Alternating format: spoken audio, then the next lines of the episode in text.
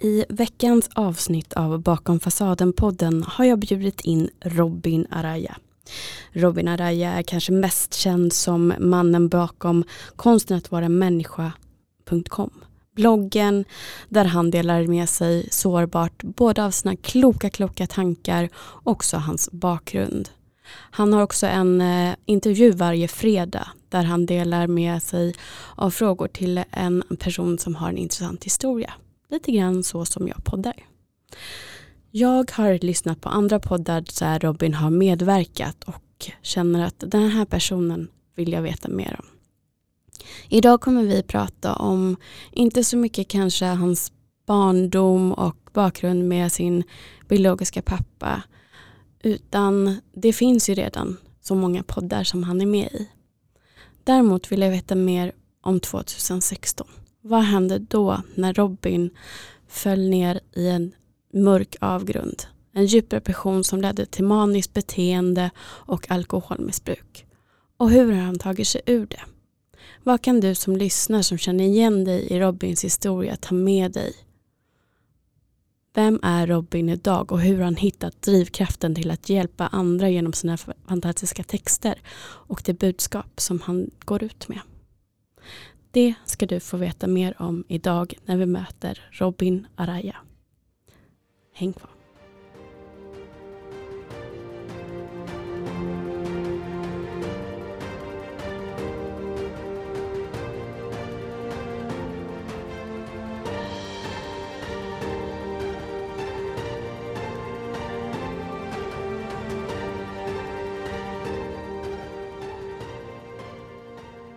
Då säger jag välkommen Robin till Bakom fasaden-podden. Tackar.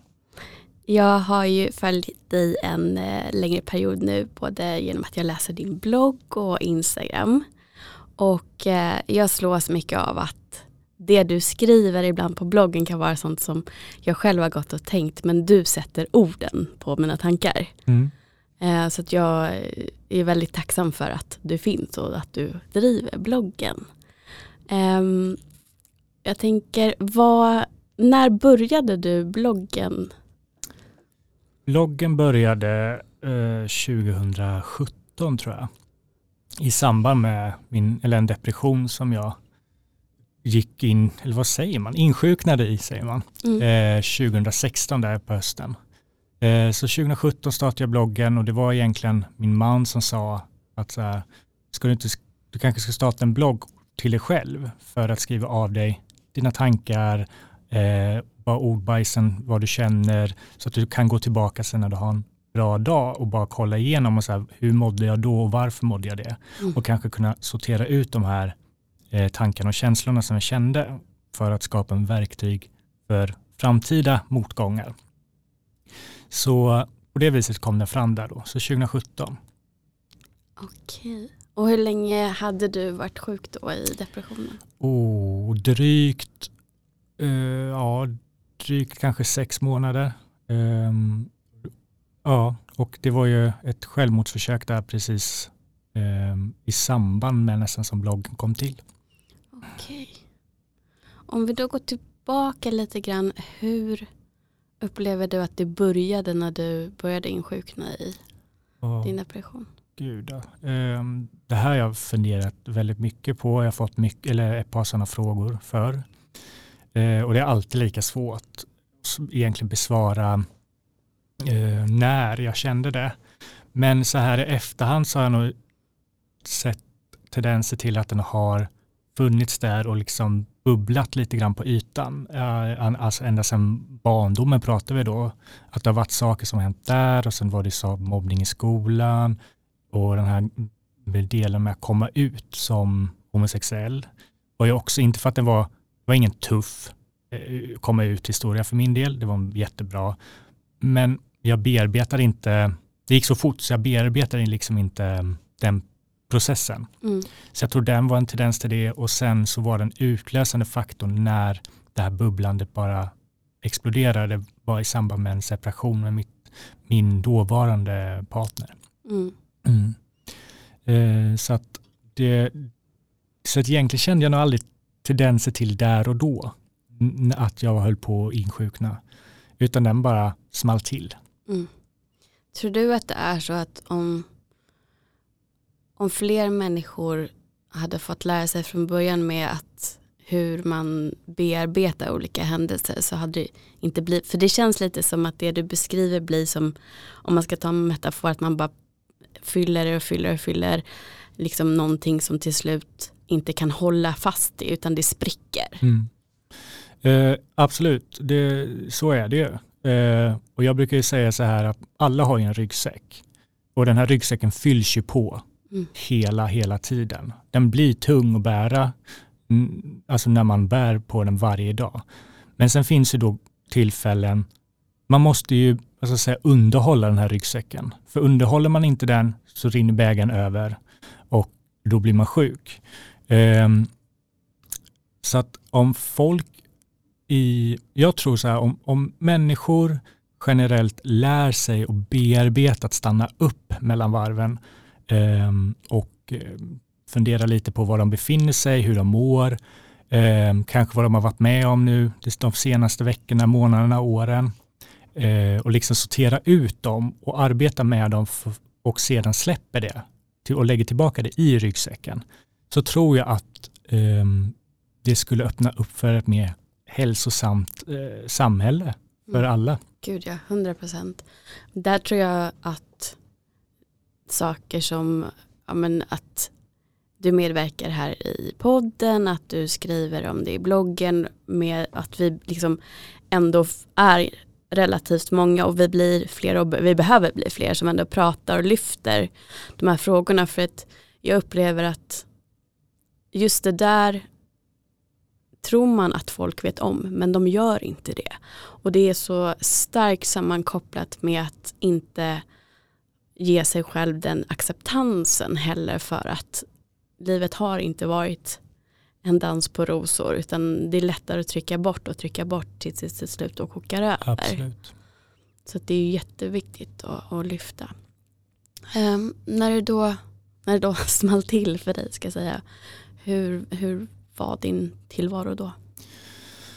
Uh, ganska så um, vad man säga, omtumlande tumult. Um, jag mådde ju riktigt jäkla dåligt när det, när det small till. Det kom alla känslor och allting kom på en och samma gång.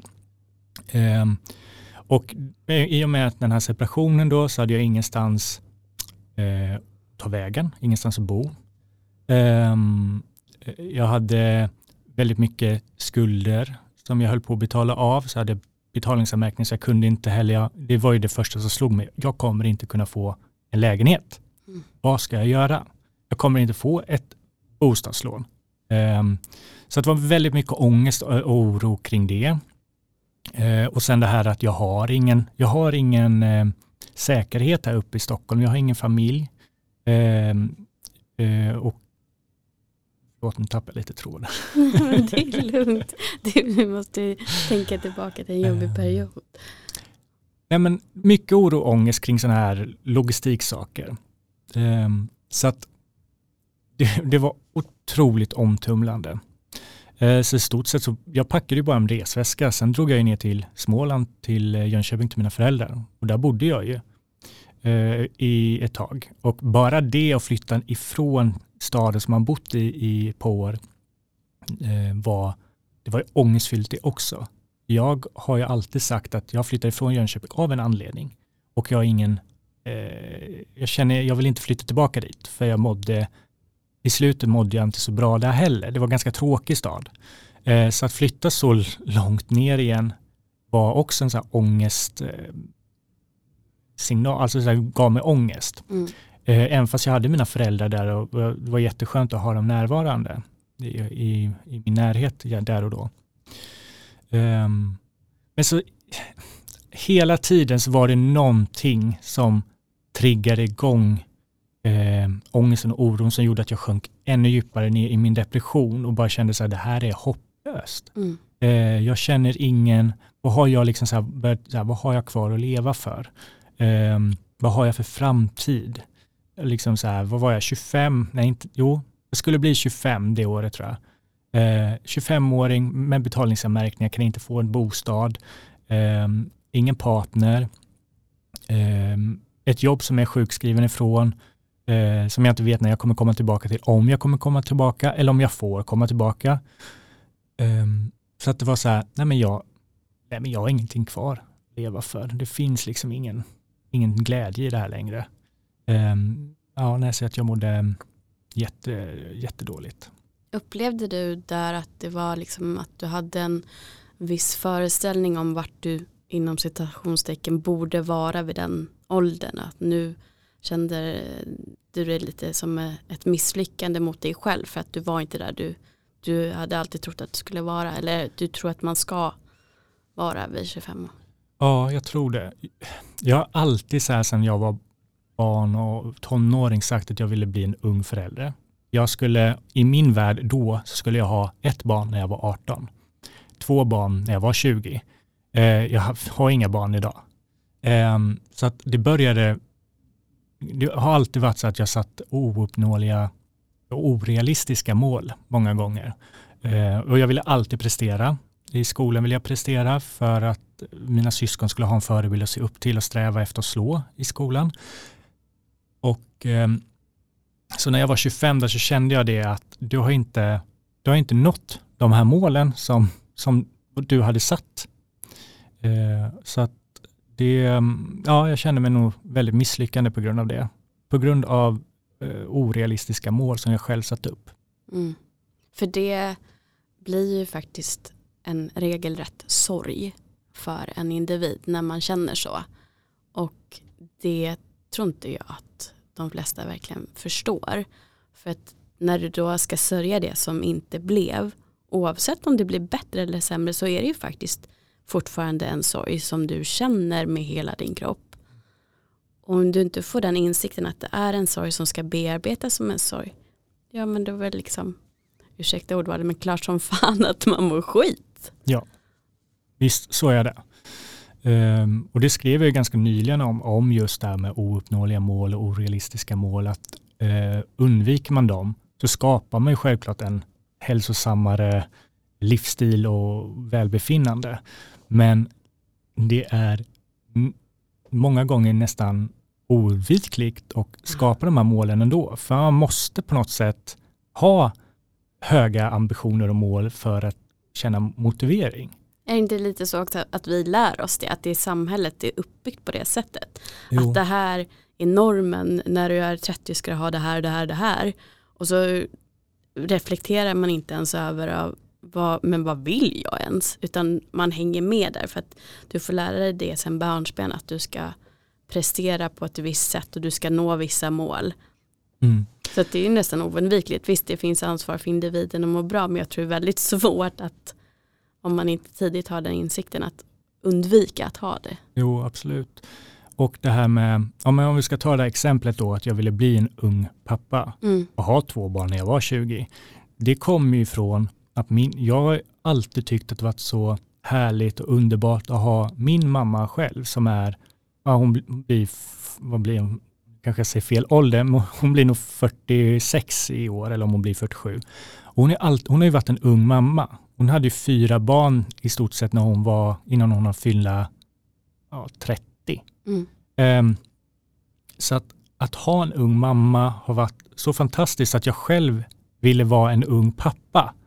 Eh, och det föll mig i något sätt naturligt att det är klart jag ska bli en ung pappa. Det är ju skitbra härligt att ha en förälder som är ung. Och jag fick alltid höra i skolan att gud, alltså det måste vara helt fantastiskt liksom att ha en ung mamma, men gud vad ung hon är. Jag, bara, jag, var, jag var lite stolt över att hon var ung. Eh, så att, nej men det var så här, jo men mina barn ska ha en ung förälder också. Det, det ska de verkligen ha. Eh, och så att jag tror mycket så här, eh, om att när man bygger upp mål har med uppväxten själv att göra också i, inom, inom ramen för familjen. Ja, ja, eh, sen när man blir äldre så kommer samhället in och vännerna spelar sin roll och alltså det hela tiden trillar på nya eh, riktlinjer, normer eh, som gör att man eh, hela tiden vill eh, sträva högre mm. med målen. Ja, det tror jag också. Och sen att man kanske också har en bild utifrån sin uppväxt hur eh, relationer ska se ut och så försöker man göra sin version av det och mm. sen när det inte blir likadant så, så känns det jättemärkligt. Ja. Hur, eh, hur tog det dig ur den här depressionen? Uh, wake up callet till att så här, nej men nu, nu, förlåt ordvalet, men nu fan får det vara nog. Uh, nu får du skärpa till dig. Det var efter mitt självmordsbesök i april 2017.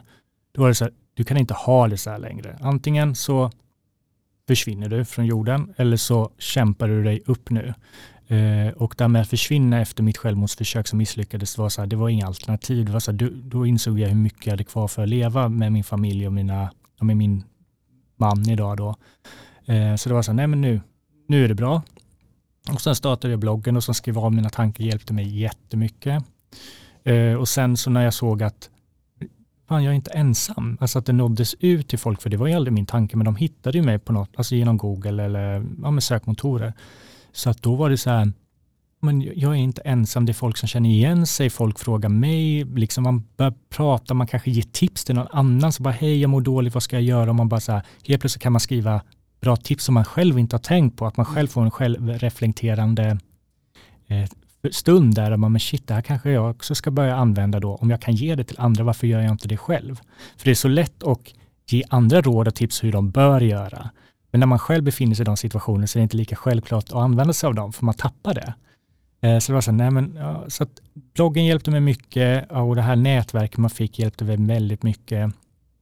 Och sen så eh, kom jag nog igång lite mer sådär. Min man tvingade mig, jag följde med många gånger till eh, läkaren, eh, en psykläkare, liksom för att ha möten och sådär. Jag fick bra hjälp med mediciner.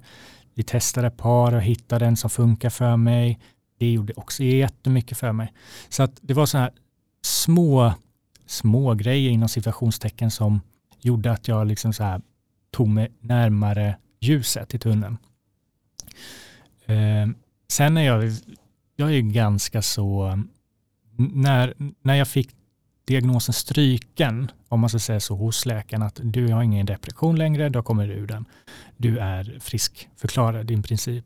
Så har jag aldrig sagt, jag sa, då sa jag att jag ser inte mig själv som frisk. Jag kommer aldrig se mig själv som frisk. För att har jag en gång haft en depression så kan jag, alltså kommer jag ständigt vara i en, en eh, våg där mellan en depression och inte depression. Det behöver nog inte krävas mycket för mig för att min sårbarhet är så kommer nog alltid vara så skör. Eh, så att jag ser inte mig själv som att jag är frisk ifrån min depression. Jag har ingen depression nu, men jag kan lika gärna, det kan hända saker när, alltså som gör att jag lätt faller tillbaka i den. Och det märker jag ju tendenser till som årsskiften och sånt där. Då har jag väldigt skör trådar med att bli deprimerad. Jag blir väldigt lätt deppig idag. Eh, så att jag tog mig ur min depression på de här små eller små sakerna. Eh, men jag är inte frisk ifrån min depression. Det tror jag nog aldrig jag kommer känna att jag blir heller, för den finns hela tiden med mig mm. i, i den här ryggsäcken då, som vi pratar om. Men jag har bearbetat den depressionen jag varit inne i. Okej, okay, jag förstår skillnaden. Um, går du fortfarande och pratar med någon nu? Ja, det gör jag. Uh, jag har um, inte regelbunden kontakt, ska jag inte säga, med lä min läkare. Eh, men jag har kontakt med min läkare. Eh, alldeles nyligen, bara i veckan, bytte jag, efter att ha varit i kontakt med den, bytte jag antidepressiva läkemedel. Så att jag går fortfarande på det. Eh, har svårt så fort liksom jag försöker trappa ner med de gamla som jag hade så ja, blev jag väldigt deprimerad. Eh, så att jag känner att jag behöver dem för att kunna fungera och de har blivit en del av min vardag. Det är något jag tar på morgonen. Så att nu fick jag nya som har mindre biverkningar eh, så att jag ska få ett lite mer fungerande vardagsliv och eh, vad ska man säga, ja, men eh, det, ett, relationen ska funka, liksom mer att mitt humör stabiliseras eh, och även eh, det här, eh, för de flesta antidepressiva har ju väldigt stor biverkning på det, sexuella, alltså det här sexuella. Mm. Eh, och det har inte de här läkemedlen. Så att allt det här ska liksom, eh, fungera bättre med de nya antidepressiva. Så att, ja, jag har kontakt fortfarande med min, min läkare om, om lite småsaker. Sen ska jag börja nu i samband med att vi har flyttat upp till Norrland. Eh, börja hos en terapeut eller, Samtalsterapeut? ja, eller psykolog. Mm, Eh, mm, för att jag känner att jag behöver det, mm. absolut. Men jag har inte hittat någon här nere riktigt som jag tycker har funkat. Ehm, så att jag, jag ska fortsätta. Jag tror jag i princip hela mitt liv kommer ha någon form av kontakt med antingen en terapeut, psykolog eller läkare. Egentligen kan jag känna att det borde vi alla ha. I alla fall någon som man pratar med för att det blir sånt safe space liksom när man sitter där. Jag är ju väldigt, jag förespråkar verkligen terapi för att jag har gjort sån stor skillnad i mitt eget liv. Ehm, och hon jag går till och många andra säger också att det är egentligen inte formen av terapi som gör den stora skillnaden utan det är liksom samspelet mellan dig och din psykolog eller terapeut som gör skillnad. Ja. Och just det där att man får känna sig med rätt person då väldigt trygg gör ju att det går att släppa fram mer och mer. Precis, och det här, alla, jag, jag promotar verkligen att alla människor bör gå till en psykolog någon gång. Och är man helt sådär emot det, om man aldrig har varit så tycker jag man ska pröva åtminstone för att det är så skönt. Eller bara, jag tycker bara det är skönt att prata med min psykläkare. Mm. Um, men det här med att känna sig trygg, det är väl det som jag har saknat hos dem som jag har försökt med. Um, jag, har, jag har testat något som heter psyko, psykodynamisk terapi och det är väl mer att man ska, terapeuten eller psykologen ska samtala mig till att jag ska hitta vägar, alternativa vägar och liksom känna av känslorna. Så att där blev det väldigt mycket att han, jag tyckte att han provocerade fram så onödiga Mm. eh, jobbiga känslor, eh, vilket gjorde att jag till slut gav upp det där. Sen har jag testat DBT. Det var också så här, mm, ja, men jag kan inte sitta och lyssna på två timmars typ föreläsning och sen kom, gå hem med en eh, hemläxa och skriva vad jag känner för den veckan in, tills jag ska tillbaka. Um, så att jag har inte känt mig sådär att det har varit rätt och jag har inte känt mig riktigt trygg uh, med det jag har testat.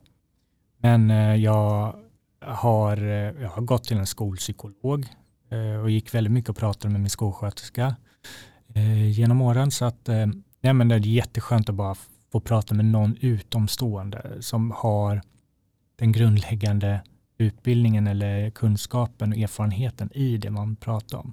Det är en sak att prata med en familjemedlem eller en vän, men det är en helt annan sak att prata med en, kanske bara en läkare eller en kurator eller en skolsköterska som har lite mer erfarenhet framför allt, men också expertis i, i, inom de här områdena. Ja, jag, jag, delar faktiskt din uppfattning om psykodynamisk. Eh, sen kanske det funkar jättebra för andra individer, självklart.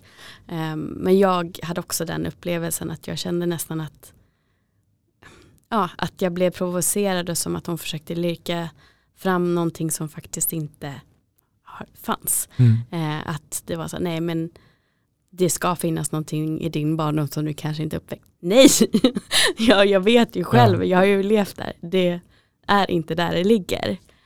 Um, men uh, däremot så psykosyntesterapi uh, som jag går i nu har varit uh, fantastiskt. Men det är upplagt på ett helt annat sätt. Där är ofta, jag, jag fastnar i huvudet ibland. Um, och kanske inte alltid, även om jag, jag har tyckt mig ha så lätt att uttrycka mig eh, Eh, och att jag är känslomänniska men ändå kan jag inte alltid förstå vad det är som händer i kroppen. Jag bara känner. Och då med psykosyntes så blir det ju ofta att man uppmanas att känna efter. Var någonstans i kroppen känns det? Vad brukar du känna när det känns där? Och att man liksom, ibland får jag sitta och rita och då kan det ju vara en bild som kommer till mig. Eh, om det, till exempel när jag har bearbetat separationer som kom tidigt i livet så har jag sett bilder med en hand som sträcker sig och liksom att jag nej lämna mig inte mm. lite så. Och det kan inte jag alltid förstå bara genom att vara med i någon situation eller bara sitta och prata någon ska eh, liksom prata med mig nej, på det sättet som nej. de gör i psykodynamiskt. Men när jag får sitta och känna efter och bilder och, och känslor får komma till mig i lugn och ro då har jag liksom fattat. Mm. Och då kan man ju bearbeta det på ett annat sätt. Ja, för det var väldigt mycket så med att, för att jag har ju svårt att gråta. eller visa att jag är ledsen. Eh, jag gråter kanske högst en gång per år. Och så var inte jag som barn och ungdom. Jag hade väldigt nära till mina känslor och kunde gråta. Och det var ju någonting som han hela tiden när jag var där tryckte på, liksom försökte provocera fram för att jag skulle säga vad är det som gör att du inte kan gråta? Och det var mer min gråt som jag ville få ut kanske varit istället för ag med aggressioner och ilska. Jag var så här irriterad och så har det varit väldigt mycket hemma också, alltså när, när jag vill egentligen bara brista ut i gråt och känna att shit, nu, jag behöver gråta, så blir jag arg istället. Eh, och det tyckte han liksom så här, det här ska vi liksom koll, gå djupare i och känna efter vad är det som gör att du blir arg istället för gråt. Varför? Var det något som hände i din barndom? Var det något som hände under din skoltid? Och jag var så nej, nej, det, nej, det är inte det är inte där. Jag kunde gråta och allt sånt där som barn. Det är inte där, men han fortsätter liksom trycka på det. Till slut så bara kände jag, men lägg av nu. Det här, mm. nej, men det här funkar inte. Det är inte rätt sätt att locka fram det liksom. Nej. Nej, jag fattar. Men eh, för jag kan ju tänka så här, varför vill man inte istället försöka på ett tryggt sätt se om det går att komma tillbaka till den du var då när det kändes mer tryggt att gråta. Mm. Istället försöka så här, varför, varför, vara på det liksom. Ja. För det blir bara som att, det, eller jag vet inte, men kan det inte bli att det är så här att man känner sig intryckt i ett hörn nästan? Jo, jo, gråt! Ja, det var, ja. Och han sa, vill du gråta nu? Bara, ja, jag vill gråta nu, men jag kan inte gråta. Liksom. Jag, kan inte, jag kan inte ens tvinga fram tårarna. Um, så att ja, det är jättejobbigt och när någon då sitter och trycker på det ännu mer, då blir jag ju bara ännu mer som backande och bara nej, alltså det här känns inte tryggt uh, och, och, jag vill inte gråta framför dig. Um, så att, ja, nej, det var ingen, det, psykodynamisk terapi var ingenting för mig. Men uh, Däremot kanske jag ska vart jag lite intresserad av det, den du gick, där psyko, psy psykosyntes. Ja. Du kan läsa på Psykosyntesakademin också. Mm. Där står det väldigt mycket om det. Ja, men det kanske skulle vara någonting. Jag tycker det är helt fantastiskt. Just det här att det känns tryggt. Man blir verkligen inte tvingad till någonting utan du lockar fram det i dig själv i ett tryggt sammanhang. Mm. Och det har också varit vissa situationer, eh, särskilt under just den här pandemin också, när jag kanske har varit väldigt ledsen men inte heller känt mig bekväm med att, att gråta med andra människor. Eller liksom, och jag bara egentligen har velat åka hem till mamma och pappa och så kan jag inte göra det för att vi kan inte kramas för att de är över 70. Mm. Um, och då var det faktiskt en session när hon bara, vet du vad, vi sätter oss på golvet så får jag bara hålla om dig. Och jag trodde ju liksom att nu kommer jag gråta i en timme. Men det var inte så för det, det räckte för mig att bara känna mig trygg, avslappnad, omhållen, få vara lilla Helena igen. Mm. Och jag grät kanske tio minuter, sen kändes det bra. Men, sen, men hon, ville, hon sa så här, vi sitter kvar tills du verkligen känner att mm, nu har jag fått ut med det här. Och jag får bara känna den här närheten. Så sådana saker tycker jag också är väldigt fint just i den typen av terapi. För att då känns det tryggt. Om det känns tryggt då kan man släppa fram det här som man annars sätter upp en vägg mm. för. Och ja, inte att någon trycker bara gör det här, gör det här. Men, för, alltså förlåt men vem fan vill gråta om de bara gråt. Nu tycker jag vi ser Nej jag förstår inte alls mm. det där. Men som du säger det, det passar, det beror ju nog lite på hur man är som person och ja. där behöver det verkligen funka att man har någon som förstår hur du fungerar, som ser dig och mm, kan mm. utforma mm. terapin utifrån vad de ser. Ja men precis. Så att, eh, ja, intressant i alla fall. Men eh, Kiruna, mm. är det ett ställe som du mår bra på? Jag mår jättebra där uppe. Uh, nu kommer folk säga, Kiruna finns ingenting där, vad fan ska man dit och göra? Uh, man måste åka dit för att förstå mm. hur, hur det är, hur fint det är, hur bra själen mår så fort man liksom kommer in i Kiruna, det behöver kanske inte vara just Kiruna, men så små städer i Norrland. Eh, bara för att komma in där, det gör så här, jag, jag blir väldigt så här, bara kan andas ut, det är som ångesten och stenarna på mina axlar bara alltså, ramlar av mig. Eh, den blir, jag blir mycket gladare, det blir en gladare Robin där framför allt, mer harmonisk, mer lugn. Nej, alltså det, det är så skönt där uppe och det är så, folket är, här är det som tempo. Mm. Här är det mycket ljud, här är det mycket prat, samtal. Där uppe är det inte det på samma sätt. Det är mer ett lugn när de pratar, det är inte det här tempot. Eh, vilket är skönt för jag är liksom, jag är ganska introvert ändå. eh, Så här, när, bland människor. Eh, och jag går gärna in i mig själv. Och det får jag en chans att göra där uppe. Eh, så att ja, jag tycker väldigt mycket om Kiruna för den biten. Och nu hoppas jag att det håller i sig när vi flyttar upp också. Så att det Mm. inte är bara så här, nej men det kom bara när du kommer på besök. Men det, det tror jag absolut inte. Jag, jag ser fram emot en vårflytt jättemycket. Ja, jag förstår. Jag åkte upp, det var inte riktigt så långt upp, det var till Klimpfjäll Mm. för ett år sedan på vad jag kallade en själaresa. Så jag förstår precis. Mm. Jag tog bara en helg och bara fick vara i lugnet och tystnaden. Bara gå runt i naturen och höra allting och Mm. bara vara. Jag tyckte det var helt fantastiskt. Så jag förstår verkligen. Ja, alltså, det, jag och min man var på ICA och skulle handla i, i, igår. Alltså vi, det var fruktansvärt. Alltså det var fruktansvärt. Jag har alltid tyckt det varit jobbigt att gå och handla i Stockholm och i affärer för att det, det är så mycket människor, människor har ingen respekt, människor Eh, inte bara nu under covid utan annars med. De har ingen respekt. De går typ på en, de ska, man måste flytta på sig. Jag känner hela tiden att det är jag som måste flytta på mig för att de inte kan det. Eh, och nu under covid så är de typ i nacken och flåsar på en och står mitt i vägen så man inte kan komma förbi på ett säkert sätt. Och, eh, så att det har framkallat väldigt mycket ångest både hos mig och min man. Eh, och bara när, när sådana, typ som igår då, uppkom, så känner man ännu mer att nej, vad skönt det ska bli att komma härifrån. Ah, jag förstår verkligen. Kan inte ni, när ni har bott där ett tag, så här, anordna själaresor för Ja. stockholmare som bara längtar bort och bara, ah, jag vill bara andas och bara, Ja, det kanske inte är ner. någon omöjlighet. Vilken tanke, ja, jag ska ta med den där tanken. men gör Mm. För att jag vet att det inte bara är jag som har den inre längtan till att bara komma norrut och få andas och bara balsamera själen på något sätt. Ja.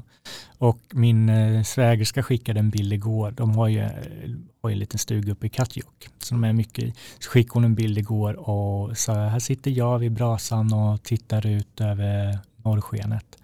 Det var så fint. Det var så, alltså, ja, den har man typ lust att bara så här, så här ser det ut, så här kan det se ut i Kiruna. Mm. Förstår ni hur vackert det är? Eh, för folk bara så norrsken, de, vissa tror ju inte ens på att det är på riktigt när de ser bilder. Va? Jag bara, det gjorde inte jag från början heller. Jo. För innan första gången, jag bara, det finns på riktigt alltså. Det kan uppkomma på riktigt. Och så här, min man bara, ja men det är, på vintern blir det riktigt inte, eller på sommar blir det inte, all, eh, blir det inte mörkt. Utan det är, man vet sällan vad klockan är. Man kan vara sitta uppe klockan två på natten och tro att det är åtta på kvällen för det blir aldrig mörkt. Mm. Jag bara nej, nej, nej, nej. Sen var jag uppe den sommaren med honom och det var verkligen så. Jag bara, men shit. Och det är man inte heller van vid för det var så här, nej, och snön, man, man slipper den här slaskiga, äckliga snön, utan det är riktig snö. Det kanske inte blir samma trafik alltså. Nej, nej, men nej, det blir det inte, men det händer en del ändå vad jag förstått det. Mm. Mycket renar. Ja, det, det är klart. De kan vara i vägen. Ja, de ska man inte hetsa gärna heller, har jag förstått det. Det är bra att du vet det nu innan du. Men jag blir ju gärna, och sånt när det tar Bloggare i ren och lycka vill jag inte läsa. Nej, jag ska försöka undvika det. Ja. Och, Nej, men det låter helt fantastiskt. Jag hoppas verkligen att det blir mm. så härligt som jag tror att det blir. Ja, det tror jag med. Jag hoppas det. Håller tummarna för det. Jag ska se till att det blir så. Gud, vad härligt. Ehm, jag tänker lite mer på de här verktygen då som vi har pratat lite grann om. Mm. Ehm, utifrån vad du berättar så känns det ju som att det har hjälpt dig väldigt mycket att eh, verkligen söka för eh, depressionen, att du har fått bra hjälp från läkare och eh, medicin. Mm. Ehm, folk runt omkring dig, vad, vad fick du för bemötande där? Det är traditionella bemötanden skulle jag säga. Så lite o, inte oförstå. vad ska man kalla det, men oförstående kanske. Liksom. Man förstår inte allvaret. Det är lite så här, ja men det är väl bara att skärpa till sig och rycka upp sig. Eh, lite den fick jag. Eh, folk förstod inte allvaret riktigt där jag befann mig. Till en början i alla fall. Eh, det ändrades efter mitt självmordsförsök, för det var ju en wake-up call tror jag för alla. Ehm, så det, ja, det var den, eh, det vad man säga, bemötande som jag fick. Ja. Vad jobbade du med när det här pågick? Jag jobbade som barnundersköterska på mm. en akutmottagning.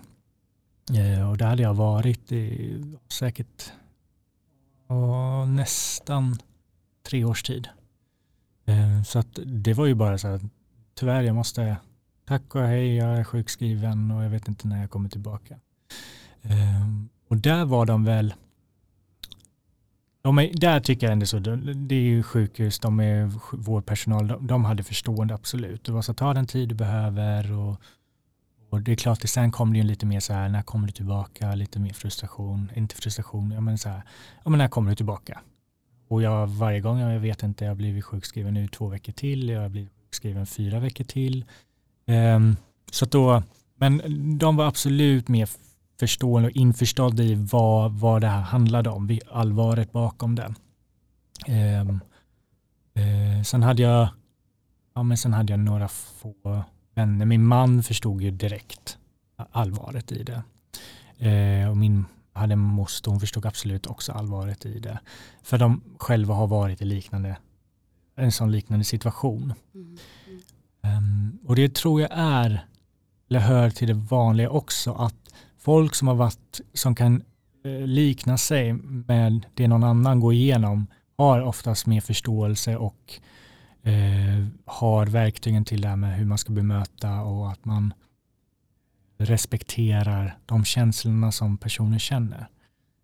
Så att i början var det ju att jag, förutom då läkare och antidepressiva som komplement, tydde mig till dem. Pratade mycket där och bollade mina tankar och ordbajsen när jag inte kunde få fram vad jag kände och ja men mycket så. För att du visste att du blev förstådd. Mm. Mm. Och det är nog det jag tror, att man måste känna en trygghet även där. För att man ska kunna skapa de här verktygen med att samtala och öppna upp sig. För det är framförallt de två verktygen som är eh, de viktigaste. Att man öppnar upp sig och vågar samtala om det man känner. Även fast det är jätteobehagliga känslor så är det viktigt att man kan det. Och sen då att man har då eh, eh, en bra lyssnare som kan ta emot det och få det, men vara lite så här, vad ska man säga, oempatisk, eller vad heter det? Jag menar, när man så här tar emot känslor, men man gör ingen, man lägger inte vikten i att man man du menar att man in... hittar på sig Precis, det själv, men att man kan ja. ha kapacitet att ta emot från någon annan utan att lägga det på sina egna axlar. Ja men precis och sen det här med att man inte ska göra det sin egna grej också. Mm. Att man är liksom mer bara en lyssnare utan lägga vikt i det och man vänder mot, alltså ja, men jag kände exakt likadant och sådär utan ja, men jag förstår hur du känner, att man är med den. Mm. Eh, och så att, ja. Men framförallt samtal och trygg, eh, samtal och öppna upp sig det, det är de viktiga verktygen som jag fick genom, därigenom. Er relation, var den ganska ny, din och Alex, när, ni, när det här ja. hände? Ja, han kom in på ett bananskal, höll på att säga. Nej, men han, eh, ja, det var väldigt nytt. Eh, jag tror vi träffades bara en månad, kanske knappt, efter min separation. Precis hade blivit sjuk där då. Eh, vi eh, började ganska så lugnt eh, och det var mycket tedrickande och eh, samtal. Alltså han, han visade att han ville finnas där och var, ville vara en lyssnare. Det var ett jättefint stöd där. Så att sen så var det bara naturligt att jag, vi fortsatte träffas och sen så kom väl känslan in ganska snabbt ändå. Jag har inte kanske erkänt det för Alex, alltså, för jag ville aldrig, jag skulle inte träffa någon igen. Jag var less på kärleken. Eh, men eh, jag fattade tycket för Alex ganska snabbt och han för mig. Så att ganska kort in på vårt, så säga, det var väl ett dejtande då fast vi inte riktigt såg det så då, så eh, blev vi tillsammans. Mm. Och sen så under den tiden som jag var sjuk så ut, fick, försökte vi liksom hela tiden utveckla vårt förhållande. Vi hade en väldigt tuff start om man säger så. Eh, men idag har vi, den har ju gjort oss väldigt starka. Att mm. vi kan ta oss igenom mycket skit sinsemellan, alltså konflikter. Vi har, vi har varit med om värre liksom hela tiden och han har varit sjuk som också och jag har varit sjuk. Så att vi fick en tuff start men vårt förhållande kom väldigt starkt ur det um, och vi kunde utveckla ett bra förhållande från de förutsättningar vi hade där och då. Det låter som att ni hade ändå ganska fort tillit till varandra och vågade ha med den här jätteviktiga sårbarheten. Ja, men det, ja, det skulle jag absolut säga. Det hade vi. Um, och det var väl det som också gjorde att, det här, att jag kände att det här är man för, för mig, eller det är man som jag vill leva med, det är man som jag vill, eller som jag ser så här, giftermålspotential i. Um, så att även där in på vårt, att vi blir tillsammans så förlovade eller friade jag till honom. Uh, och sen så gifte vi oss nu i, i vad heter det, fjol. Mm. Så att uh, ja, nu har vi varit gifta ett år.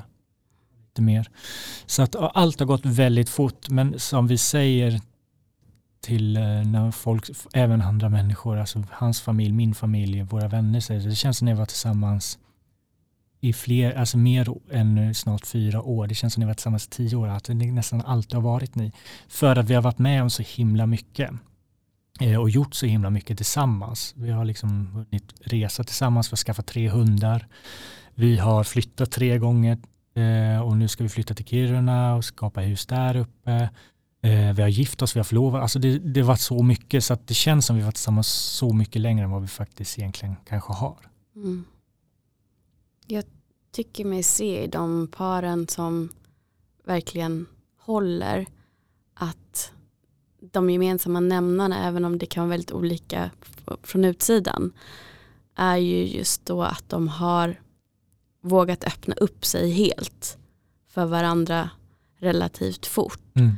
För det kan ju fortfarande vara så att om man jämför med några som har varit tillsammans dubbelt så länge så kanske man ändå inte känner varandra lika bra för att det har inte känts tryggt på samma sätt. Att verkligen visa vem man är och också se den andra för den den är. Mm. Och då kan jag tänka att det, det liksom, nu har inte jag sett er tillsammans men jag kan tänka att jag skulle säkert känna att det känns självklart. Ja, jag tror att folk tycker det. Att det känns självklart. Eh, för mig känns det självklart. Mm.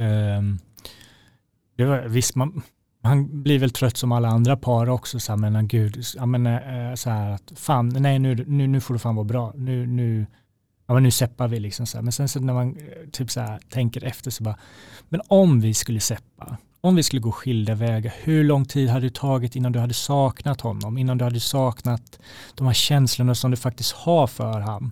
Eh, och hur länge hade det dröjt innan du saknar honom och har han i närheten? Så bara, nej, det hade inte gått. Mm. Då, då tar man tillbaka det ganska snabbt igen. Att eh, nej, nej, det går inte. Jag kan inte se mig ett liv utan honom.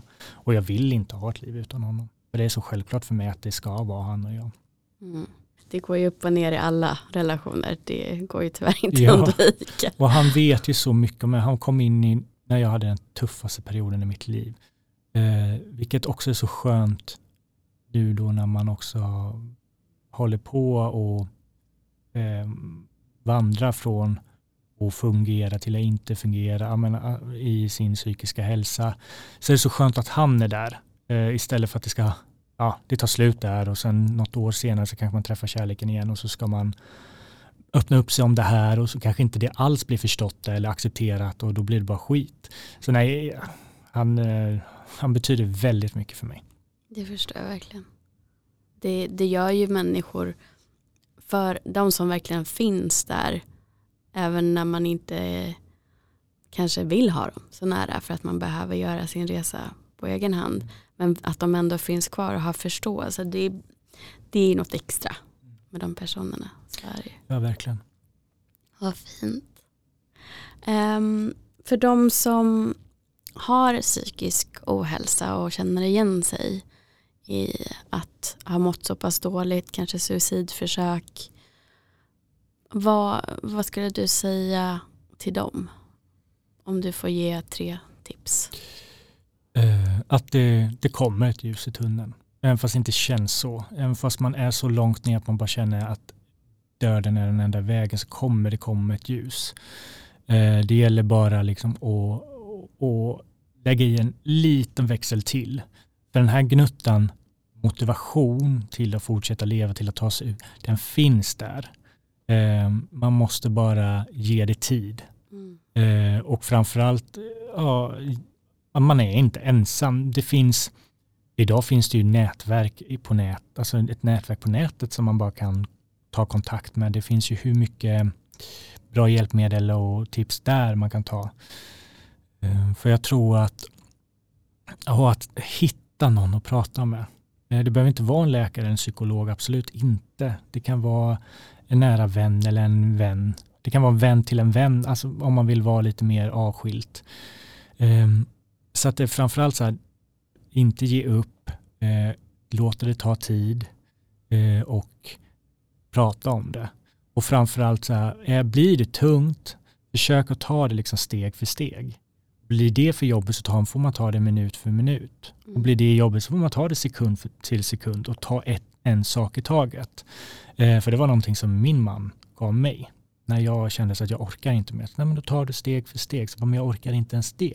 Ja, men minut för minut. Det kan bara vara att du ska gå och lämna den här kaffekoppen i diskon. Ta det. Vad är det för jobbigt? Om jag tar det sekund för sekund. Gör det liksom till små, små delmål om det blir för jobbigt. Och eh, du har ju också en bakgrund med eh, missbruk, alkohol. Mm. Vad vill du säga till de som känner att nej, nu tar jag en drink istället för att Ja, jag har varit där också. Alltså det är, det är inte värt det att göra det. För att ångesten kommer tillbaka. Den slår till ännu hårdare när väl den här drinken har gått ur systemet. Eh, och då har man ångest även över att man tog det här glaset. Så att istället för att göra det så tycker jag att då, det är också, då, får man, då är kanske det, det bästa tipset är nog att hitta någon och liksom prata med. Bara kasta ut så att jag har sån lust, jag mår så dåligt, jag har lust att och liksom dricka mig full eller mig berusad. Eh, så att man kan få ett stöd därifrån och det här resonemanget, men det kanske inte är så bra. Du vet vad som händer när man dricker när man har ångest eller mår dåligt, att det, det blir bara ännu värre, det förstärker känslorna och du får ännu mer efteråt och att man har någon som är, har ett sunt resonemang där då. För det är inte värt det. Gud vad många gånger jag har trott det och gjort det och bara idag kan se hur dumt det faktiskt var. Mm. Det blir liksom kanske en liten befrielse för stunden men oftast dricker man då ett glas för mycket så blir det förstärkt istället i hur dåligt man mår. Man kanske blir utåtagerande, aggressiv eller börjar gråta hysteriskt. Plus att du får den kemiska ångesten när mm. du är bakfull. Mm. Eh, och det är så lätt Eh, och som för mig då, att jag, har ju, jag är ju nykter alkoholist och det är så lätt att bli eh, en alkoholism eller skapas ett missbruk, bara det. Eh, om man dricker när man mår dåligt och gör det eh, regelbundet, eller man ska säga, eh, då är det lätt att det fortsätter det här men att det blir ett glas då och då. Det blir ett glas när man mår lite bättre för att då vill man, men gud nu mår jag bra, nu vill jag ta ett glas liksom för att fira inom situationstecken. Och, eh, att de här glasen som man tar för mycket när man mår dåligt fortsätter när man väl dricker på tillställningar och sånt eh, framöver. Och, ja, men det är så lätt att skapa sig ett missbruk eller som i mitt fall då ett, en alkoholism. Så att eh, undvik alkoholen helt mm. när man mår dåligt. Eh, och man ska ju definitivt gärna, ogärna blanda antidepressiva läkemedel med alkohol. Mm. Eh, och det misstaget gjorde jag ju också i och med att jag drack då. Eh, så att eh, det, alkohol är bara skit. Och det var också ett väldigt bra inlägg som du skrev just om hur vanligt det är att folk inte ens reflekterar över att Nej men det är ju fredag, då är det klart vi ska dricka en flaska vin. Ja, eller hur. Jag bara kände så här, ja, nej men fredag, wow. Och man såg på Instagram att det under eftermiddagskvällen då efter man har lagt in det, att hur många som faktiskt tog sig ett glas eller var ute och festa. Framförallt nu under covid så är det jättekonstigt att man är ute och liksom, eller har hemmafester för den delen. Men det var väldigt mycket alkohol. Och då slog det mig så här på morgonen när jag vaknade upp, att varför är det så att svenskar när det blir fredag eh, kopplar det till fest och drink, eh, alkohol och, och liksom partaj. Att man så här, har det blivit, det har ju blivit en norm, en osund norm att man ska gå till bolaget och köpa sig en vinare eller man, ja, det ska vara fredagsmiddag hemma, då är det klart vi ska ha ett glas vin till och sen kommer lördagen och likadant där att, så här, att det har blivit så vanligt att det har blivit en trend. Och så finns det typ en person då i det här um, umgänget ofta som kanske har ett problem. Fast inte, inte ett medvetet problem där och då, men som hela tiden är på väg neråt i, i, i det här, sitt missbruk som är på gång att ske. Eh, men som inte inser det själv och vännerna inser inte det själv. När det väl kommer sen så är det liksom för sent för de här vännerna förstår liksom inte att, att det är person som har problem att dricka. Eh, så att för mig var det så nej, alltså, nej, folk måste, nu, jag skrev mest det för att det skulle bli en sån här liten tankeställare. Mm. Behöver jag verkligen ta det här glaset ikväll? Behöver jag verkligen gå till systemet och köpa en vinare för att jag ska på en hemmafest? Eh, för att man kan lägga den tiden på annat. Man kan lägga den eh, energin på, som kroppen har på annat. Och man kommer må så mycket bättre om man låter det vara. Ja, gud ja. Egentligen så kan ju svaret aldrig vara ja, att man behöver det. Nej. Det gör man inte. Alltså, vill du verkligen koppla av och vila på helgen, då, då är det väldigt kontraproduktivt att dricka alkohol egentligen för att du sover ofta sämre. Vilket också gör att du är jättetrött dagen efter. Så du kanske inte kan göra de aktiviteterna som skulle ge dig mer energi. Mm. Och då, då förhindrar det ju faktiskt saker som ger dig glädje. Mm. För att du tyckte att det var så himla viktigt att dricka på fredagskvällen.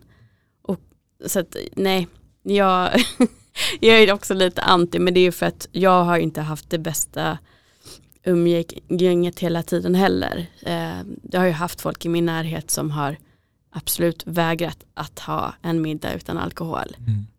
Och vetat om det och då har ju jag förstått sen att jag är ju faktiskt medberoende om jag bara är med. Ja. Eh, och det är så i, i, mycket, i början av det här när jag slutade dricka så tyckte jag det var jätte, för jag har gjort det två omgångar. En gång höll det väl drygt ett år eh, och det andra nu har det hållit på drygt ett halvår. Eh, men i början av de här gångerna så höll jag mig ifrån alltså tillställningen där alkoholen fanns. Mycket för att man kan inte ha fest och ha nykter. Det är inte roligt. Ehm, men också det här att ehm, jag tyckte det var jobbigt när andra drack för då blev jag själv sugen. Ehm, men i, och idag så är det mer så att nej, men folk kan dricka när jag är med, men jag väljer de tillställningarna själv. Är det så människor som jag känner så nej men det här blir bara påtryckning eller grupptryck, att ja, men ta, ska du ta en öl ändå? Eh, så vet jag inte om jag alltid i, det, i den umgängeskretsen kommer kunna säga stopp, nej jag vill inte ha. Så då undviker jag det. Men andra tillställningar med vänner så som jag litar på, som förstår allvaret och, och fattat att jag är nykter, alltså så nykter alkoholist, de har jag inga problem med idag. Eh, för att, och jag har insett att man kan ha kul utan alkohol på fester också. Ehm, så att, eh, ja, jag, är, jag har blivit, känner att jag blivit mer och mer anti dricka, men drickandet. Eh, jag tycker att eh, det är en osund relation som samhället lever i med, med den här konsumeringen. Ja, man kanske ska göra så att den frågeställningen som du ställde i det inlägget, att man verkligen frågar sig själv, skulle en vit vecka eller ja, en vit månad mm. påverka mig? Och kan man svara att man tycker att nej, det där vill jag nog inte göra och det skulle nog påverka mig negativt. Då kanske man ska fråga sig själv varför. Ja. Eh, och skulle man, men precis, och känner man så, nej det där, en vit månad funkar inte, då, då kanske man ska, så här, som du säger, aha, var är du någonstans med din relation till alkoholen då? För det är ju inte, det är inte hälsosamt och sunt att tänka att nej, det kommer inte för, eller det där är ingenting för mig. Det vill jag inte. Um, och, men jag kan bara, alltså det så här, men samtidigt så om man tar en vit månad, man kommer märka hur mycket det gör. Hur bra man, kroppen mår, att man vaknar upp utvilad, man vaknar, slipper ångesten efter man har druckit och kanske har gjort något dumt eller man tror bara att man har gjort något dumt.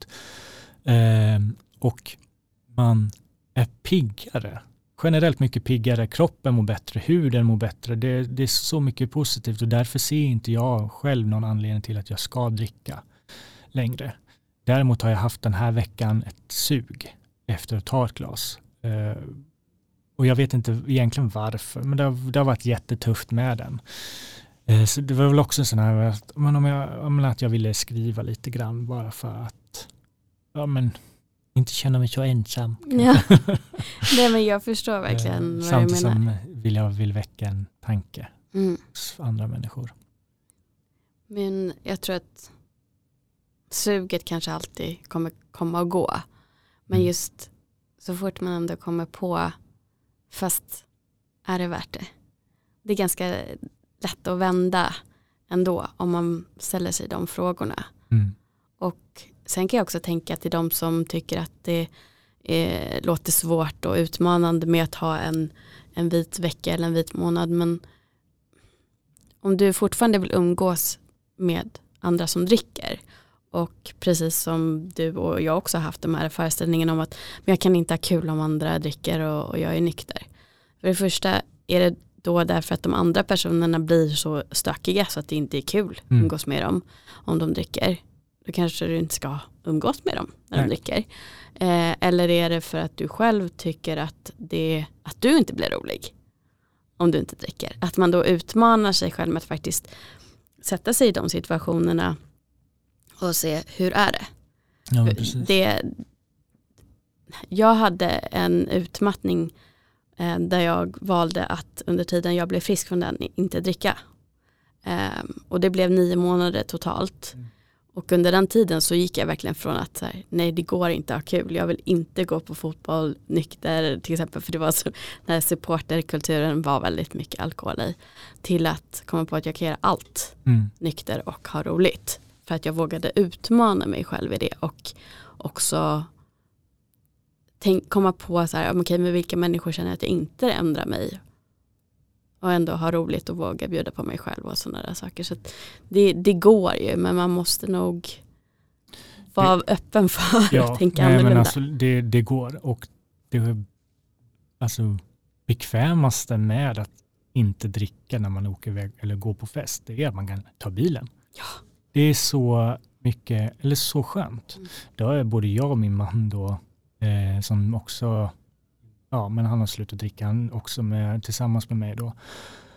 Um, det är typ en så här, någonting vi har insett hur skönt det faktiskt är att kunna ta bilen. Istället för att hålla på och strula med taxi och bussar och lokaltrafiken generellt. Så det är så mycket bekvämare. Verkligen. Och sen tycker jag, jag har inte eh, någon alkoholism men jag tycker ändå att jag tänker att jag inte haft ett sunt förhållande mm. i, historiskt sett med alkohol för att jag har ofta tagit det eh, som ett, ja, typ en eh, snuttefilt när jag kanske inte mått så bra. Mm.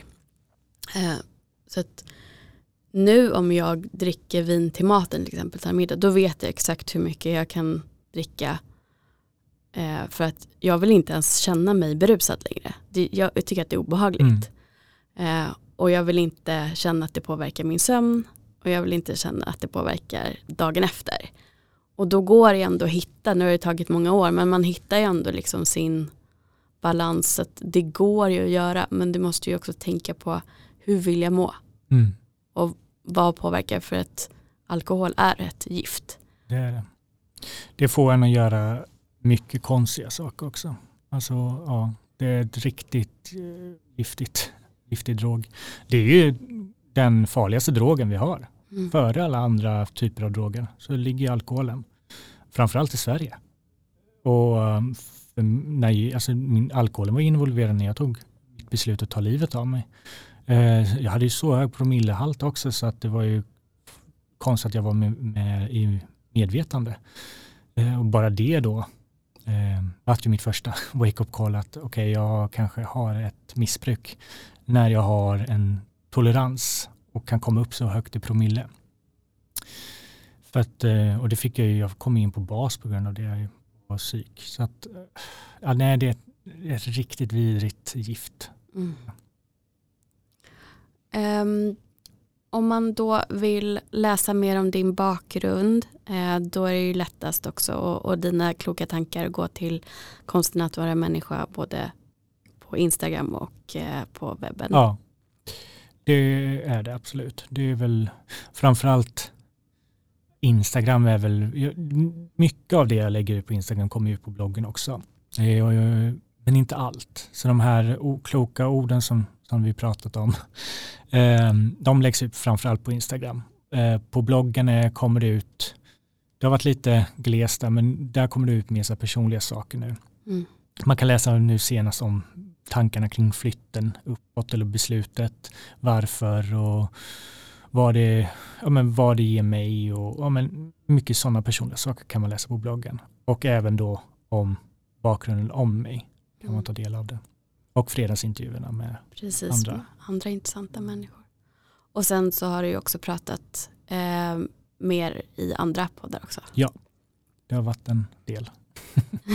Men det är kul. ja, det är jätteroligt. Då, då, kan man ju lyssna på Så kan det gå podden och Sollivet till exempel om mm. man vill veta ännu mer om fantastiska ja. du. Ja.